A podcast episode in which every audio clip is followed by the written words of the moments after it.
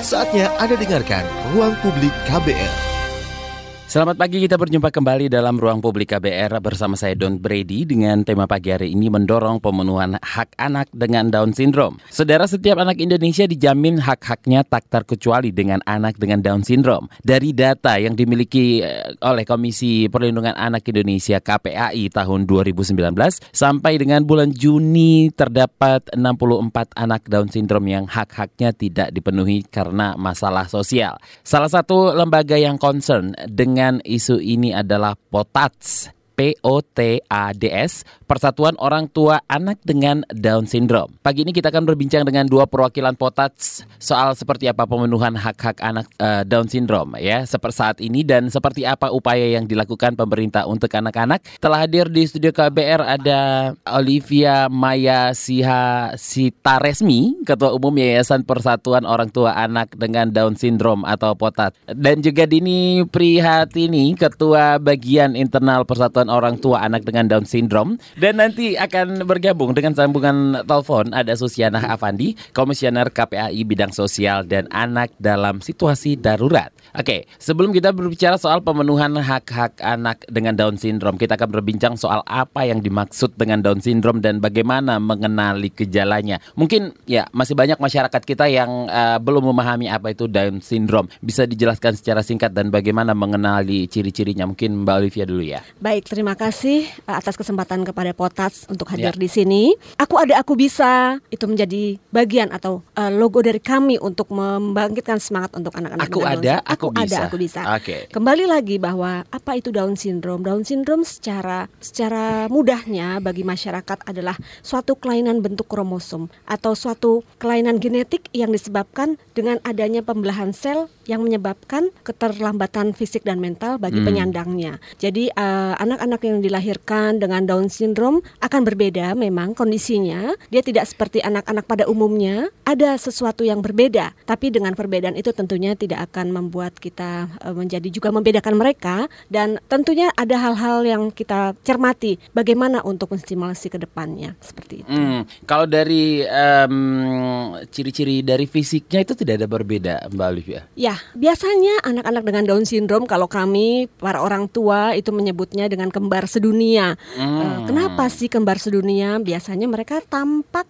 mirip walaupun orang tuanya berbeda, tapi kok ternyata mirip. Mereka melihat dari secara wajah, biasanya mereka bulat, kemudian ada tulang hidung yang datar, pesek ya seperti hmm. itu, hidung kecil, kemudian rambut-rambut lurus mungkin ya agak lurus lemas gitu dan mereka juga mempunyai ciri-ciri fisik lain yang bisa dilihat seperti misalnya eh, jari-jari mereka uh, ruasnya pendek, kemudian ah. mereka lebih uh, gempal seperti itu ciri mayornya tapi ciri mayornya, uh, ya? tapi disertai hal-hal lain yang mungkin secara medis uh, mereka ada yang mengalami gangguan jantung kemudian dari organ-organ lain seperti mata paru-paru dan uh, pencernaan dan lain-lain tapi seiring dengan perkembangan waktu semua apabila diterapi diobati itu dapat disembuhkan atau hmm. ditangani dengan baik. Oke, okay. bagaimana dengan uh, perbedaannya dengan uh, apa namanya anak-anak berkebutuhan uh, khusus lainnya seperti autis misalnya? Ya, kalau autis uh, sepintas itu seperti anak pada umumnya. Okay. Ya, dia hanya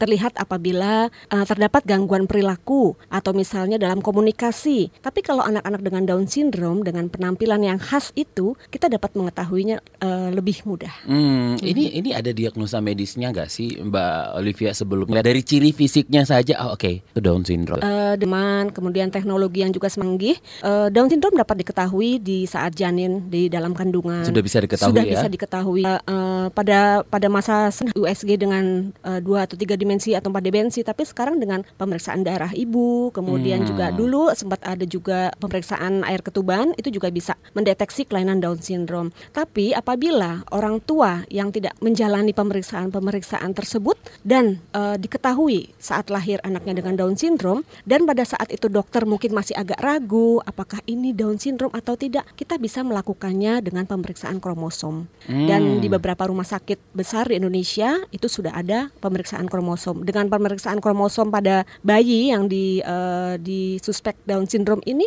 akan diketahui dari usia janin bulan keberapa itu Mbak Olivia bisa diperiksa nih janin? Tes kromosom mungkin sebelum lima bulan Ibu Dini ya. Seperti itu sebelum mungkin sudah bisa. bisa sudah, sudah bisa, bisa ya. Bisa. Oke, sudah bisa ya. Ada apa yang harus dilakukan orang tua bila ada anak atau anggota keluarganya yang Down syndrome ke Mbak Dini mungkin? Oke, mungkin kita harus mulai dari awal ya, dari Betul. mulai kelahiran gitu uh, ya. Jadi, kalau mungkin mulai dari pas udah ketahuan pas dari janin mungkin Mbak Dini? Iya, bisa. Oke. Okay. Bisa itu. Tapi kalau udah udah kita tahu dari janin untuk kita mau meneruskan atau tidak itu kan kembali lagi ke oh, okay. orang tuanya masing-masing. Hmm. Apalagi kita di budaya uh, Indonesia Timur ini kan ada hal-hal tertentu ya yeah. yang ya. mungkin kita lebih mengutamakan. Nah, kalau sudah begitu lahir ya, dari situ utamanya adalah kalau untuk masalah uh, kesehatan ya. Karena anak-anak Down syndrome itu lahir dengan banyak sekali penyakit-penyakit bawaan dari lahir. Anak Down syndrome disertai penyakit bawaan dari lahir. Contoh, ah, okay. jantung bocor, masalah pencernaan, masalah tiroid yang tidak stabil bisa berlebih bisa kurang kemudian masalah THT mata gitu ya eh, paru-paru dan itu harus dicek semuanya jadi biasanya kalau dokter anak yang sudah terbiasa menghadapi anak Down syndrome dia pasti akan memberitahukan orang tua kalau memang ini anak udah udah tahu ya anak Down syndrome disarankan untuk cek keseluruhan itu dicek keseluruhan dan itu nanti akan e, meneruskan apa yang harus dilakukan seperti terapi-terapi tapi sebelum itu biasanya orang tua pada galau dulu mas mm. itu yang utama ya mm -hmm. mereka mau maju ke situ tuh biasanya rasa galaunya dulu itu yang lebih kuat. Jadi udah udah down dulu. Nah, di sinilah fungsinya potas. Adanya potas uh, salah satu uh, misi kita adalah menyemangati orang tua yang mempunyai anak Down syndrome. Di situ ya kita balik lagi bahwa anak uh, dengan kurang apa pun ya maksudnya uh, yang yang sempurna atau yang kurang balik lagi itu kan memang sudah ciptaan dari Tuhan, mhm, titipan mm -hmm. dari Tuhan. Jadi apa pun kondisinya kita harus semangat dan percayalah bahwa anak-anak spesial hanya untuk orang tua spesial. Jadi Tuhan tidak mungkin salah memberikannya gitu ya. Hmm. Itu yang satu. Jadi begitu kita mempunyai uh, menyadari kita mempunyai anak uh, Down syndrome adalah semangat uh, satu keluarga atau suami istri dulu ya, solid, kemudian keluarga terdekat, lingkungan semuanya harus mensupport. Itu dulu. Setelah itu baru ke taraf-taraf selanjutnya seperti itu. Hmm, Oke, okay. dan dikutip dari website Potats adalah persatuan orang tua anak dengan Down syndrome yang punya tujuan memberdayakan orang tua dengan anak Down syndrome agar selalu bersemangat. Tuh. Seperti kata Mbak uh, Dini tadi, ya kalau boleh tahu apa saja kegiatan di Potats ini untuk memberdayakan orang tuanya?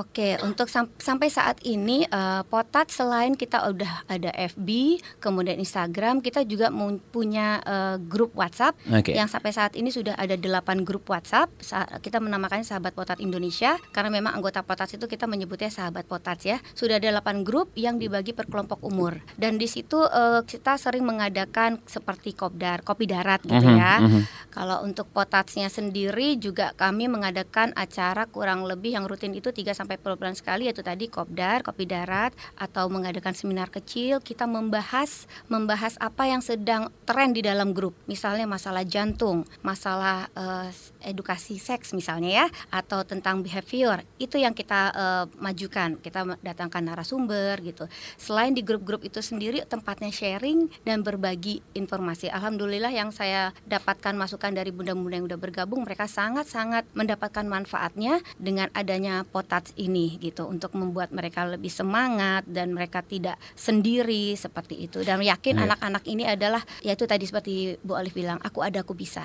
jadi mereka beda tapi tidak untuk dibeda-bedakan dan mereka pasti bisa anak-anak Down syndrome gitu ya hmm. mungkin sedikit saya tambahkan bahwa kegiatan-kegiatan apa sih yang sudah dilakukan oleh Potats kami dari Potats selalu mengadakan acara tahunan acara besar yaitu pada bulan Oktober di mana bulan eh maaf bulan Maret, Maret. Yeah. bulan Maret itu adalah uh, Hari Down Syndrome Dunia. Hari Down Syndrome Dunia jatuh pada tanggal 21 Maret. Ini diambil dari bahwa anak-anak penyandang Down Syndrome adalah kelainan di kromosom nomor 21 dan mereka mempunyai tiga kaki di kromos, uh, kromosom 21 tersebut. Kemudian kami juga sudah memberikan penyebaran di kota-kota lain selain di Jakarta sebagai pusat uh, potats, yaitu ada di 9 PIK, kita menyebutnya PIK Pusat Informasi dan Kegiatan atau cabang. Itu ada di 9, ada di Bandung, Yogyakarta, Surabaya, Padang, Medan, Lampung, Bali, Kalimantan Timur dan Kalimantan Selatan. Dan selama ini mereka juga sama-sama kita semua mensosialisasikan tentang penyandang Down syndrome. Jangan pernah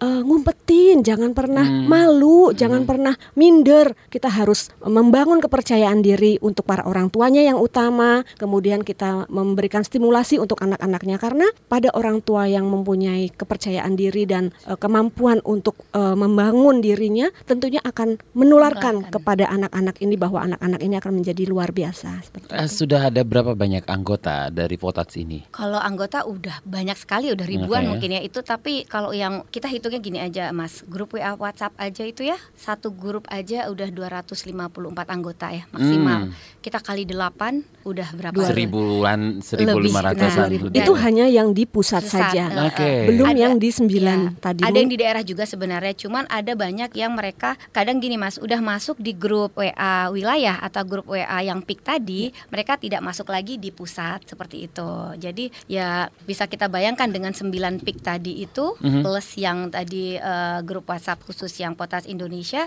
udah ribuan plus Jadi lagi kurang, yang ya. ya plus lagi yang di FB yang mereka tidak punya WhatsApp mereka hmm. hanya join di FB seperti 5 ribu itu. sudah full. wow, gitu. ya. Oke. Okay.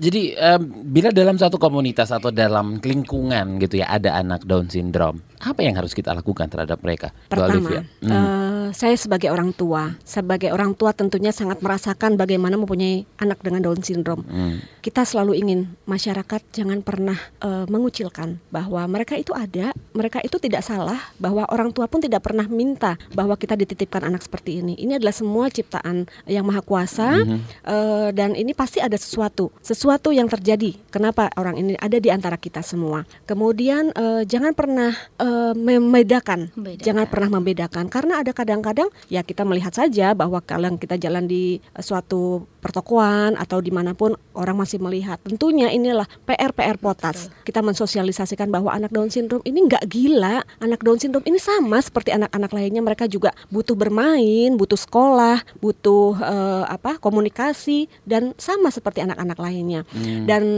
bersyukurnya dengan sosialisasi yang potas uh, upayakan sejak bertahun-tahun lalu, alhamdulillah masyarakat semakin semakin peduli, semakin mengerti. Apa anak Down syndrome ini, kemudian apa yang harus mereka lakukan. Kami juga melakukan sosialisasi ke posyandu, ke sekolah-sekolah karena apa? Tujuan kami adalah supaya mereka bagaimana menghadapi anak-anak ini. Kadang-kadang anak-anak di usia SD yang melihat aneh dan sebagainya, yeah. itu tentunya yang harus iya. kita kita berikan uh, pemberitahuan sedini mungkin. Ini loh ada teman-teman saudara-saudara kalian seperti ini. Ya, oke. Okay. Tak berbeda dengan anak-anak lain, anak-anak dengan Down syndrome juga punya hak. Tapi apakah hak-hak mereka ini bisa terpenuhi seperti halnya anak-anak lain. Selepas jeda kita akan berbincang dengan Komisioner KPAI bidang sosial dan anak dalam situasi darurat Susiana Avandi. Kita akan mencoba menghubungnya lewat sambungan telepon. Kita break dulu Mbak Olive dan Mbak Dina. Jangan ke mana-mana tetap di ruang publik KBR. Anda masih mendengarkan Ruang Publik KBR bersama saya Don Brady dengan tema pagi hari ini mendorong pemenuhan hak anak dengan Down Syndrome. Kita sudah terhubung dengan Ibu Susiana Avandi, Komisioner KPAI bidang sosial dan anak dalam situasi darurat. Oke, Bu Susi, saya bersama Mbak Olivia dan Mbak Dini dari apa namanya Persatuan Orang Tua Anak dengan Down Syndrome pagi ini di studio. Boleh disapa dulu Ibu Susinya mungkin. Ya, Ibu Susi apa kabar? Baik, Bu. Selamat pagi Bu Susi. Selamat pagi Ibu. Iya, oke. Okay. Nah, dari data Komisi Perlindungan Anak Indonesia KPAI tahun 2019 sampai bulan Juni terdapat 64 anak Down syndrome yang hak-haknya tidak dipenuhi karena masalah sosial nih Bu Susi. Salah satu uh, masalahnya itu karena pendekatan charity yang dilakukan terhadap anak-anak ini dan KPAI menuntut agar pendekatan ini diubah. Nah, pendekatan seperti apa yang sebenarnya lebih tepat dilakukan pemerintah dalam pemenuhan hak-hak anak Down syndrome ini Bu Susi? Iya, pemenuhan anak penyandang disabilitas itu termasuk salah satunya itu Down syndrome ya. Yeah. Itu selama ini kan didekati oleh pemerintah dengan pendekatan charity. Apa indikator pendekatan charity? Yakni Down syndrome dan anak penyandang disabilitas mental lainnya itu dianggap sebagai bagian dari PMKS, penyandang masalah kesejahteraan sosial. Nah, makanya ranahnya itu menjadi tusi Kementerian Sosial. Jadi semacam uh, apa menjadi sampah masyarakat gitu loh Mas, kalau hmm. bahasa kasarnya kan. Nah, uh, implikasi dari pendekatan charity ini yang dilakukan oleh masyarakat itu berdampak pada pola pengasuhan dan bagaimana masyarakat sekitar di Down syndrome itu uh, berada gitu ya. Jadi kalau punya anak Down syndrome dan anak-anak penyandang disabilitas lainnya itu langsung ditaruh di belakang gitu kan, karena dianggap sebagai aib gitu loh, aib keluarga. Hmm. Nah, nah, kami ingin di Undang-Undang Nomor 8 Tahun 2016 ini, ini kan membuka pintu pintu untuk menggeser paradigma charity tadi menjadi paradigma pemenuhan hak. Nah, kalau pemenuhan hak maka pemerintah punya kewajiban untuk memenuhi hak-hak anak. Hmm. Nah, jadi dalam pemenuhan hak anak itu ada prinsip namanya non diskriminasi. Okay. Tidak boleh pemerintah melakukan diskriminasi. Pada konteks pendekatan pemenuhan hak, maka tugas fungsi ini bukan hanya fungsinya Kementerian Sosial, okay. tapi semua kementerian lembaga lain. Misalnya uh, tugas fungsi di bidang pendidikan Kementerian Pendidikan, tugas fungsi di bidang kesehatan Kementerian Kesehatan, tumbuh kembang anak di BKKBN, terus kemudian layanan uh, pendidikan agama dan lain sebagainya Kementerian Agama. Dan kementerian lainnya. Nah, hmm. artinya tapi kami melihat KPI melihat kementerian-kementerian ini butuh disadarkan paradigma ini, cara pandang uh, para penyelenggara negara ini yang butuh disadarkan juga gitu ya. Karena ini tidak mudah. Undang-undangnya sudah ada tapi sampai hari ini berapa peraturan pemerintah yang sudah dikeluarkan? Dan untuk dalam rangka pemenuhan hak anak ya, uh, pendekatan pemenuhan hak ini tidak bisa menggunakan uh, peraturan pemerintah sapu jagat gitu ya, satu hmm. peraturan pemerintah. Kalau misalnya yang paling siap adalah Kementerian Sosial, ya iya karena Kementerian Sosial dari dulu mendapat tugas fungsi itu. Hmm. Nah, bagaimana dengan kementerian lain? Kementerian lain harus memikirkan ini, hmm. gitu kan? Kalau kita lihat misalnya di kementerian-kementerian lain bahkan bahkan sampai di eselon 4-nya belum terpikirkan. Mau menyelenggarakan rapat koordinasi mereka loh ini bukan tugas fungsi kami. Nah ya kan? Nah meskipun kita juga apresiasi dengan Kementerian Pendidikan yang juga punya political will untuk layanan bidang pendidikan bagi anak-anak penyandang disabilitas gitu okay. ya nah, nah. Bu Susi dalam catatan KPI sendiri sebenarnya apa apa saja hak Down syndrome yang belum maksimal pemenuhannya? Bahkan tidak terpenuhi sama sekali. Kalau dari penjelasan Bu Susi tadi kayaknya itu masih banyak banget gitu Bu Susi. Iya banyak sekali sekali. Jadi gini, yang dibutuhkan dari yang dibutuhkan itu kan political will pemerintah di dalam mengeluarkan peraturan pemerintah itu apa? Misalnya kita inginkan tujuh peraturan pemerintah yang dalam penanganan anak itu berdasarkan jenis disabilitasnya. Tidak bisa disamakan hmm. anak tuna rungu, tuna wicara, misalnya tuna netra gitu ya, hmm. dengan anak uh, apa disabilitas mental gitu, itu berbeda. Okay. Apalagi dengan tunas ganda gitu ya, hmm. tuna ganda. Terus kemudian, nah itu satu. Yang kemudian juga dibutuhkan peraturan pemerintah soal perlindungan. Nah, kemudian dibutuhkan peraturan pemerintah soal rehabilitasi. Hmm. Dibutuhkan peraturan pemerintah soal apa, apa namanya rasa aman dari tindak kekerasan. Nah, karena nah itu kalau ngelihat dari semuanya itu dari hulu ke hilirnya, nanti kementerian lembaga itu harus terlibat kecuali kalau pemerintah uh, tidak pegang prinsip tadi non diskriminasi itu, itu ya. Hmm. Nah, kalau pemerintah pegang prinsip non diskriminasi, maka uh, anak-anak ini harus disediakan sarana prasarananya, gitu kan. Memang kita sedang sedang menuju ke arah perbaikan. Contoh uh, salah satu contoh yang ada kita tidak bisa menutup mata misalnya di Kementerian Pendidikan ada pendidikan inklusi, tapi tidak bisa kemudian anak-anak Down syndrome itu mengikuti sistem atau anak autis gitu ya, mengikuti sistem pendidikan yang ada, sistem pendidikan yang harus mengikuti mereka. Hmm. Jangan dibolak-balik satu.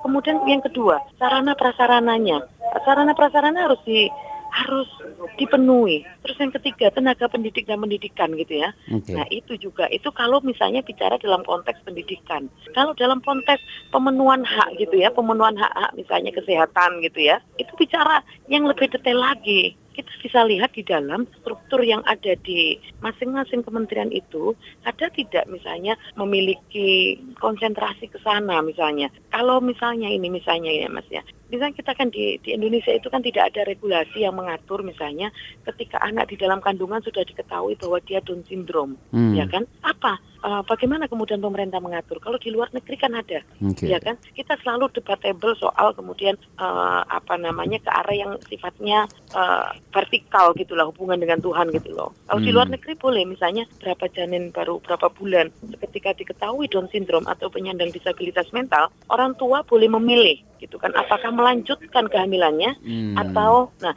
itu kan butuhkan regulasi gitu ya. Nah, hmm. Nah, kalau di pemerintah kita itu kan kita itu kita ada kekosongan hukum dalam hal itu. Nah, kalau tidak ada kekosongan hukum, hukum kita yang sudah ada bagaimana political will pemerintah dalam menerapkan hukum-hukum itu sebagai penyelenggara negara, okay. sebagai penerima mandat dari pengguna anggaran itu. Oke, okay. oke, okay. baik. Uh, terakhir mungkin uh, Mbak Olivia ada mau menyampaikan ke Bu Susi nih? Iya, uh, Ibu Susi, saya sedikit memberikan apa ya, memberikan tanggapan atau mungkin uh, dari pernyataan Bu Susi bahwa tadi disebutkan di bagian akhir bahwa belum adanya perhatian pemerintah atau misalnya uh, diketahui dari kandungan ya Bu ya. Nah, sementara belum adanya kebijakan atau regulasi mengenai bagaimana jika bayi itu diketahui dari kandungan. Sementara kalau kita melihat di negara lain atau di tetangga negara tetangga kita di Singapura, para ibu yang mengandung uh, dan diketahui anaknya dengan Down syndrome itu mereka harus langsung digugurkan hmm. karena pemerintah tidak mau memiliki masyarakat yang tidak ya tidak Down syndrome begitu. Iya, ya. ya yang biasa yang, karena mereka mengutamakan untuk kualitas okay. seperti itu. Dan di sini sementara kita masih mengacu pada agama, pada hal-hal yang kalau digugurkan dosa dan seterusnya. Hmm. Pemerintah belum ada regulasi seperti itu. Hmm. Kemudian ada satu lagi tadi di awal Ibu mengatakan tentang sampah masyarakat. Hmm. Kenapa dan hal-hal ini di kementerian tersebut?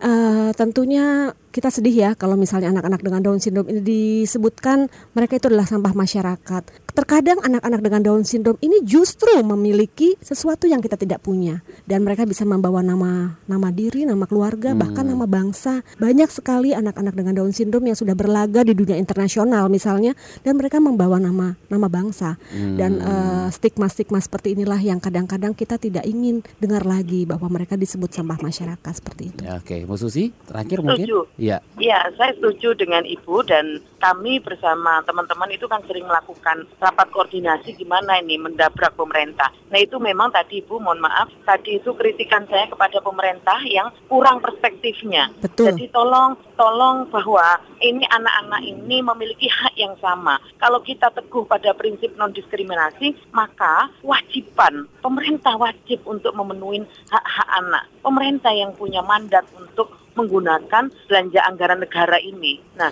semuanya harus dilayani. Semua uh, kita saya waktu pameran foto tahun 2018, pameran lukisan, semua ditulis oleh anak-anak kita, anak-anak yang disebut yang masih dipandang sebelah mata oleh banyak masyarakat itu, mereka punya karya luar biasa. Hmm. Dan saya membuka di dalam pameran lukisan itu saya sendiri yang membuka. Saya sampai mau menangis gitu ya. Artinya cuma kurang uh, pemerintah ini perlu didorong lah. KPAI sebagai lembaga pengawas gitu ya, uh, pengawasan di dalam penyelenggaraan perlindungan anak, KPAI akan segera untuk melakukan rapat koordinasi dengan pemerintah terkait kenapa peraturan pemerintah ini tidak turun-turun gitu ya. Baik. Kita tidak mau ada peraturan yang sifatnya sapu jagat. Cuma Baik. satu peraturan tidak mau, Mas. Baik. Terima kasih Ibu Susiana Avanti. Ya. Selamat pagi, Baik. Bu. Pagi. Baik.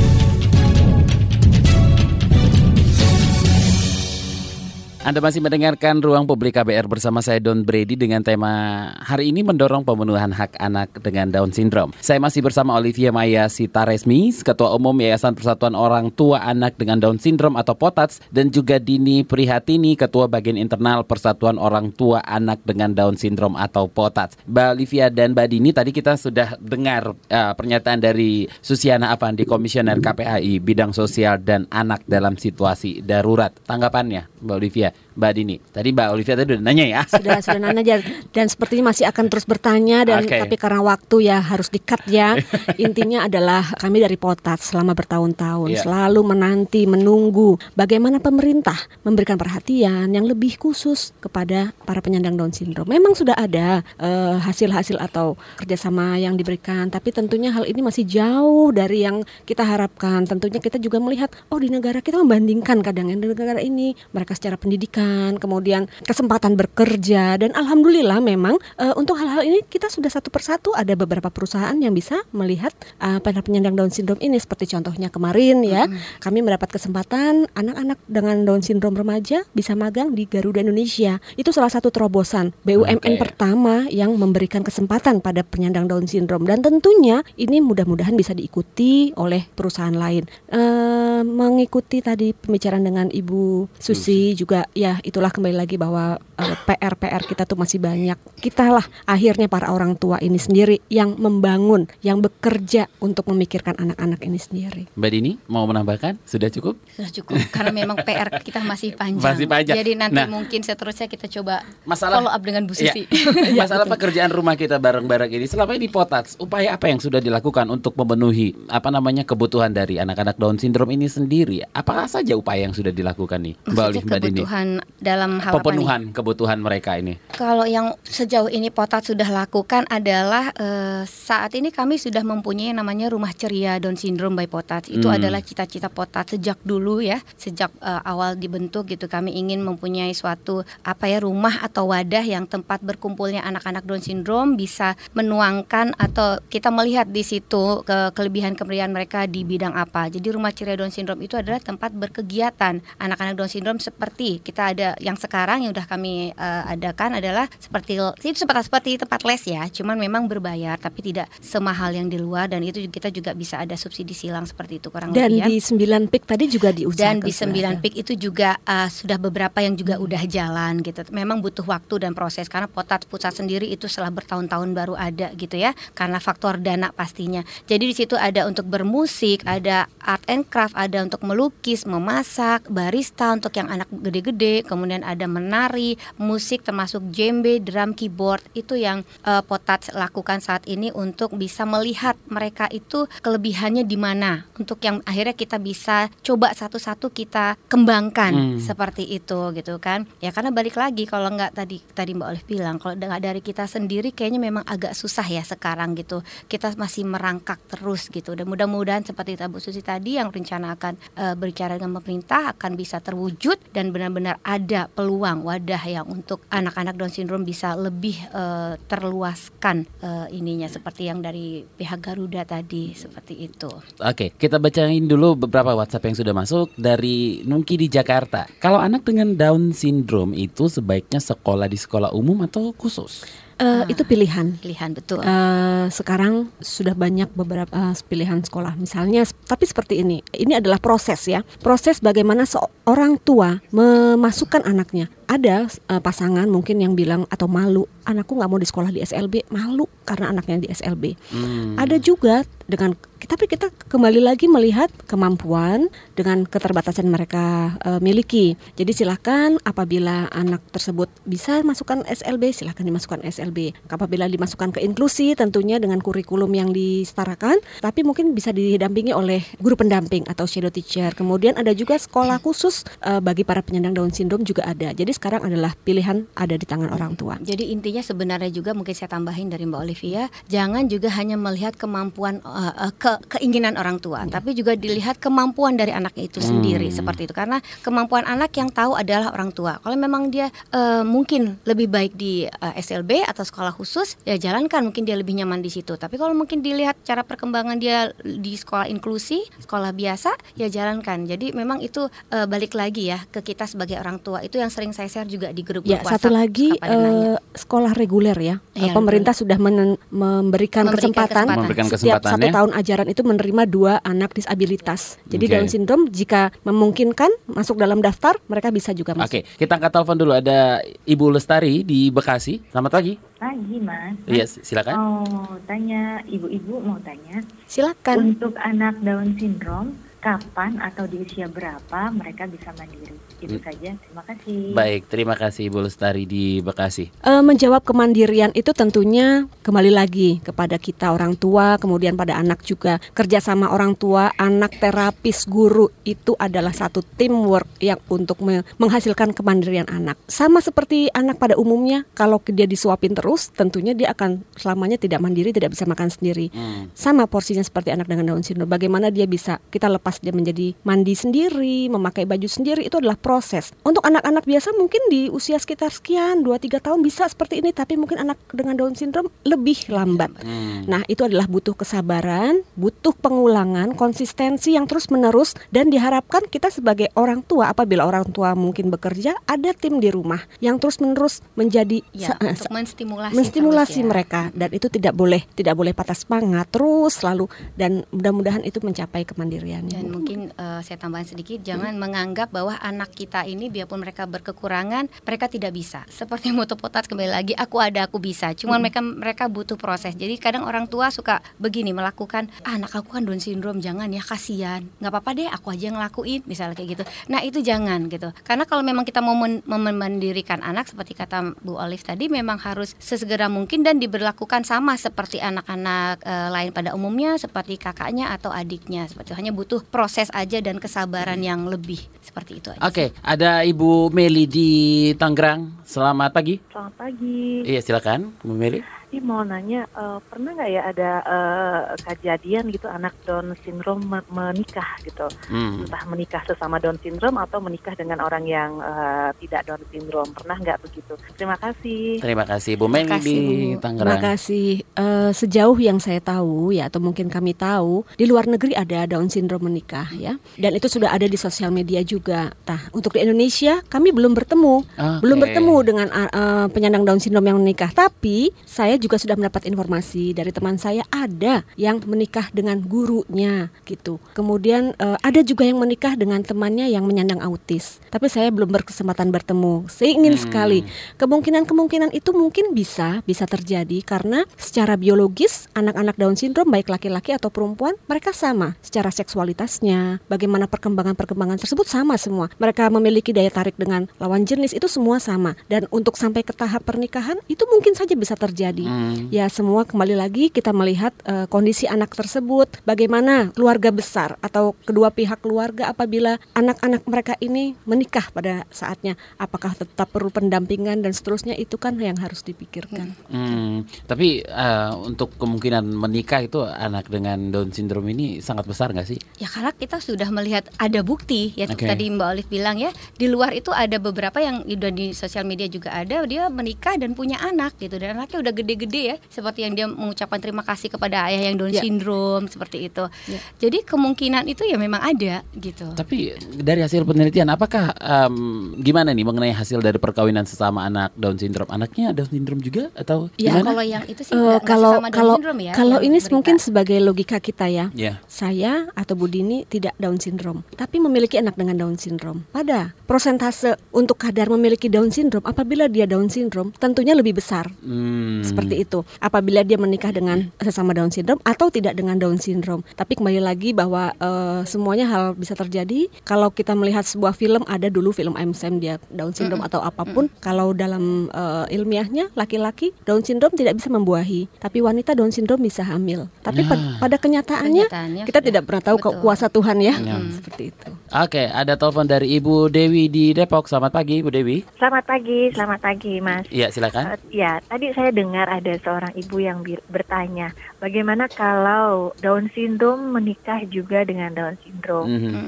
Nah, yang uh, saya mau tanya itu bagaimana, mohon maaf, nanti ketika mereka punya anak, apakah uh, anaknya juga akan Down syndrome atau bagaimana? Gitu aja. Baik. Terima kasih, Mas. Terima kasih, Bu Dewi di Depok. Tadi mungkin Bu Dewi belum mendengarkan yeah, ya. Boleh yeah. diulang lagi nih. Boleh. Boleh.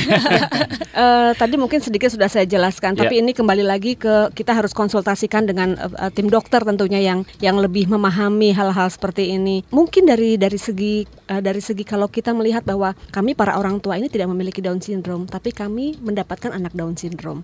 Nah, apabila Down syndrome ini menikah, baik dengan yang Down syndrome ataupun yang tidak Down syndrome, kemungkinan prosentase bisa lebih besar, ya, ah, seperti itu. Hmm. Nah, tapi yang saya yang, yang untuk yang di luar negeri itu kita tidak tahu ya apakah ya, di luar negeri punya, itu uh, anaknya tidak Down syndrome, tidak Down syndrome dan, memang dia menikahnya bukan dengan penyandang Down syndrome ya. Jadi ya. bapak uh, yang laki Down syndrome, yang perempuan tidak Down syndrome dan anaknya tidak Down syndrome. Nah, seperti hmm. itu yang yang udah kita lihat. Ada yang satu anaknya laki dan anaknya perempuan, ada dua. Kemudian itu kasusnya dua e, menikah tidak sesama Down syndrome seperti itu. Hmm, okay. Kalau yang sama-sama Down syndrome kita belum ya, belum. Iya, tapi apakah kebijakan kita sebagai orang tua apabila memutuskan untuk anak kita menikah, apakah uh, akan di steril untuk hal itu untuk mencegah hal-hal yang tidak mereka inginkan? Apakah mereka bisa merawat bayi mereka karena mereka butuh pendampingan misalnya Betul. sampai nah kita sebagai orang-orang terdekatnya harus selalu siap, siap. ada berada di di antara mereka. Silakan Anda berkonsultasi dengan tim dokter atau tim yang Anda miliki sendiri di iya, rumah untuk untuk untuk, untuk uh, mensupport hidup dari si anak Down syndrome ini. Iya betul. Ya, oke. Okay. Kita break lagi. Jangan ke mana-mana, ruang publik akan kembali.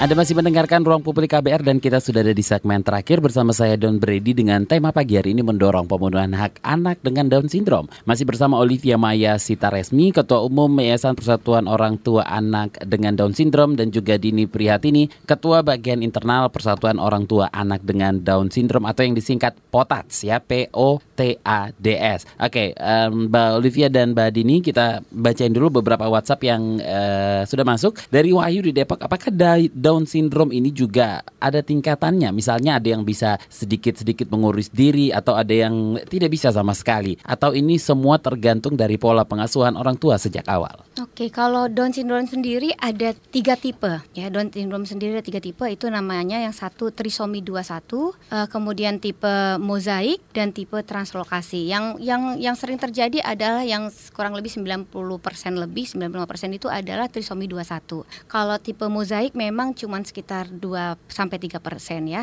Itu memang uh, lebih ringan. Kemudian translokasi itu ya kurang lebih sama seperti mozaik. Tapi kalau translokasi, kalau misalnya hasil cek kromosomnya tipe Down syndrome-nya adalah translokasi, itu kedua orang tuanya harus cek darah juga. Karena bisa kemungkinan kalau dia mempunyai anak lagi, anaknya Down syndrome. Hmm. Seperti itu. Tapi kalau uh, seperti Bapak uh, Pak Wahyu tanya Wahyu, tadi ya. ya, masalah ke apa tadi ya, kemandirian kemandirian atau kebisaan itu sebenarnya sih nggak ada terlalu uh, untuk tipe itu tidak terlalu mempengaruhi kalau saya bilang ya karena semuanya kembali lagi uh, secara perkembangan anaknya dari kecil itu distimulasinya bagaimana uh, di terapinya karena se dengan stimulasi yang rutin itu yang membuat anak perkembangannya bisa lebih cepat gitu karena anak Down syndrome kan memang telat uh, perkembangannya ya seperti Mbak Olive bilang itulah yang dibutuhkan stimulasi dan terapi. Jadi cara pola asuh keluarga itu bisa menentukan anak ini uh, lebih bagus perkembangannya dibanding dengan anak yang lain. Mungkin yang yang satu DS-nya mozaik atau translokasi yang satu trisomi 21 bisa aja yang trisomi 21 lebih bagus perkembangannya dari hmm. yang dua anak tadi seperti itu. Jadi balik lagi ke pola asuh dari keluarga. Tergantung ke pola asuh dari betul, keluarga ya. betul. dari Christine di Jambi apakah Down syndrome ini bisa dicegah diketahuinya sejak kecil? Oke, Bu Christine mungkin baru bergabung, mau bisa dijelaskan ya, lagi? Uh, sekilas info ya. tadi sudah kita uh, kita bahas ya di awal bahwa uh, Down syndrome pada saat ini pun sudah bisa diketahui sejak kandungan dengan pemeriksaan-pemeriksaan di antaranya pemeriksaan uh, amniosintesis atau air, air ketuban, pengambilan air ketuban, kemudian uh, sekarang juga ada yang namanya pengambilan darah itu ya, uh, kemudian itu juga cek darah itu bisa semuanya dilakukan dan diketahui mengetahui apa apakah janin kita Down syndrome atau tidak. Oke, okay. dari Mia di Semarang, bagaimana sebaiknya menceritakan kondisi anak dengan Down syndrome kepada anak-anak lain agar mereka paham kondisi anak yang khusus itu sehingga mereka tidak akan membulinya? Anak-anak lain ini uh, sibling atau uh, mungkin bisa sibling okay. atau mungkin teman, lingkungan. Iya, iya. Kalau pengalaman saya sendiri terhadap anak saya yang yang Down syndrome ada yang paling kecil ya, hmm. Rizky. Saya, dia punya dua kakak gitu. Kalau saya dari sejak anak uh, Rizky lahir, saya sudah memberi pemahaman-pemahaman kepada kakak-kakaknya Rizky tapi dengan bahasa yang simple. Hmm. Bahasa yang uh, bahasa se anak seusia. Bahasa anak seusianya hmm. dia gitu bahwa ini uh, Rizky ini uh, agak berbeda dari Raka dan Raffi ya sama kakaknya gitu. Jadi kalau Raka Raffi uh, uh, jalan nggak perlu dipijit-pijit kayak begini misalnya ya, ini dia Rizky harus gitu. Kalau Raka Raffi uh, Raka dan Raffi harus belajar sekali aja untuk baca, Rizky harus berkali-kali. Jadi Raka Raffi harus sabar ya sama adiknya. Terus saya bawa-bawa surga sih biasa.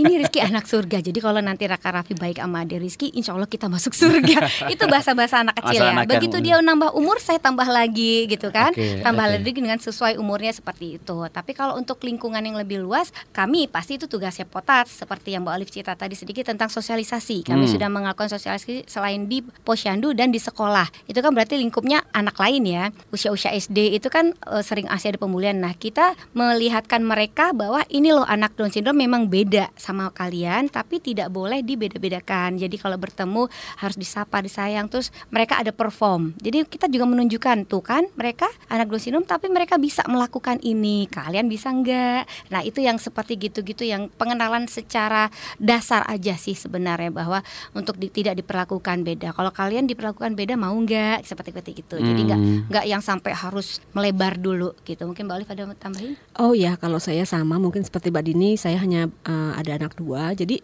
uh, pada waktu anak yang uh, anak saya Down syndrome pertama dan di usia-usia balita, kenapa sih adik ini selalu bilang, "Kenapa sih kakak harus terapi, aku enggak?" Dia bilang gitu. "Kenapa kakak harus begini, aku enggak?" Dia mungkin merasa bahwa kakak selalu dinomorsatukan, selalu hmm. dispesialkan. Kenapa? Nah, uh, di situlah saya jelaskan bahwa kakak perlu tambahan belajar. Kalau adik sudah bisa belajar di uh, sekolah, kakak belum, harus tambah belajar. Aku mau dong ikut terapi, saya ajak ke terapi biar dia melihat, hmm. oh terapi kayak gitu. Kok anak-anaknya kayak begitu? Misalnya dia bertanya seperti bertanya itu. Sepenuh, okay. uh, saya jelaskan dengan bahasa usia 4 tahun. Ya memang kita semua tidak tidak sama dengan ada warna kulit yang hitam, putih, rambut keriting dan seterusnya saya jelaskan. Semakin lama dia uh, besar, kenapa ibu atau uh, selalu ada kegiatan di potas selalu ini? Kenapa nggak bikin kegiatan aku yang menggambar seperti itu? Itu adalah pertanyaan-pertanyaan yang sederhana, tapi mungkin kita bisa memberikan penjelasan pada sibling untuk hal-hal tersebut.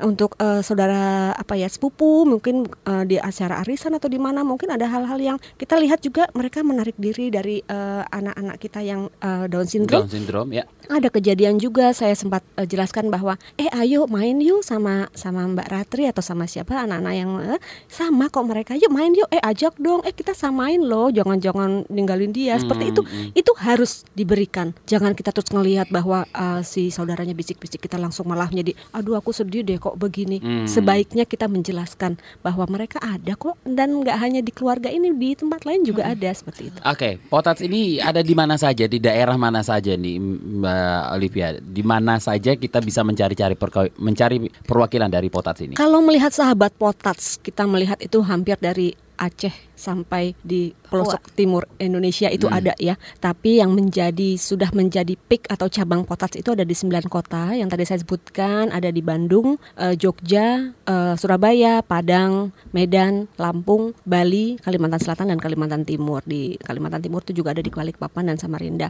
Tapi tidak menutup kemungkinan misalnya ada yang tinggalnya di Klaten. Saya harus ke mana? Bisa menghubungi ke Jogja seperti itu yang terdekat kotanya. Atau di Aceh memang kita belum uh, belum membuka untuk di PIK Aceh. Tapi kalau misalnya memang ada orang tua uh, atau sahabat potas di sana yang ingin membuka untuk PIK Aceh, kita uh, kenapa tidak? Itu lebih memudahkan untuk mengorganisir atau uh, memberikan support di antara daerah mereka masing-masing. Untuk mencari informasi lebih lanjut tentang potas ini ke mana harus para orang tua menghubungi gitu dan juga ingin membuka potas atau PIK di daerahnya mungkin seperti yang Mbak Olivia katakan tadi ya? Iya. Iya. Uh, kami ada di kontak potas di admin potas mm -hmm. uh, di Jakarta ya di 0812 mm -hmm. 962 mm -hmm. 37423. Ini bisa 4, di WhatsApp. 2, 3. Iya. 0812 9623 7423 nomor ya. WhatsAppnya bisa di, dicari informasi di ya. sana ya. Untuk Down syndrome, kemudian kalau untuk uh, nanti kita bisa perpanjangan tangan memberikan informasi untuk daerah-daerah, silakan menghubungi nomor tersebut. Oke, sekali lagi di nomor 0812 9623 7423 silakan WhatsApp di sana nanti akan um, diarahkan dari teman-teman Potats ya. di Jakarta. Mungkin juga tambahan mau lihat uh, FB-nya Potats atau Instagram Potats biar tahu apa sih sudah dilakukan Betul. Potats biar ya. mereka juga semangat seperti itu. Oh ternyata anak-anak Down syndrome ini bisa begini bisa begitu. Baik. Ya. Terima kasih Olivia Maya Sita Resmi Ketua Umum Yayasan Potats dan juga Dini Prihatini Ketua Bagian Internal Persatuan Orang Tua Anak dengan Down Syndrome atau Potats. Betul. Sayang sekali kita harus um, udahan karena waktunya sudah habis. Padahal pengen banyak banget ya banyak ya yang banget. masih mau keluar nih ya.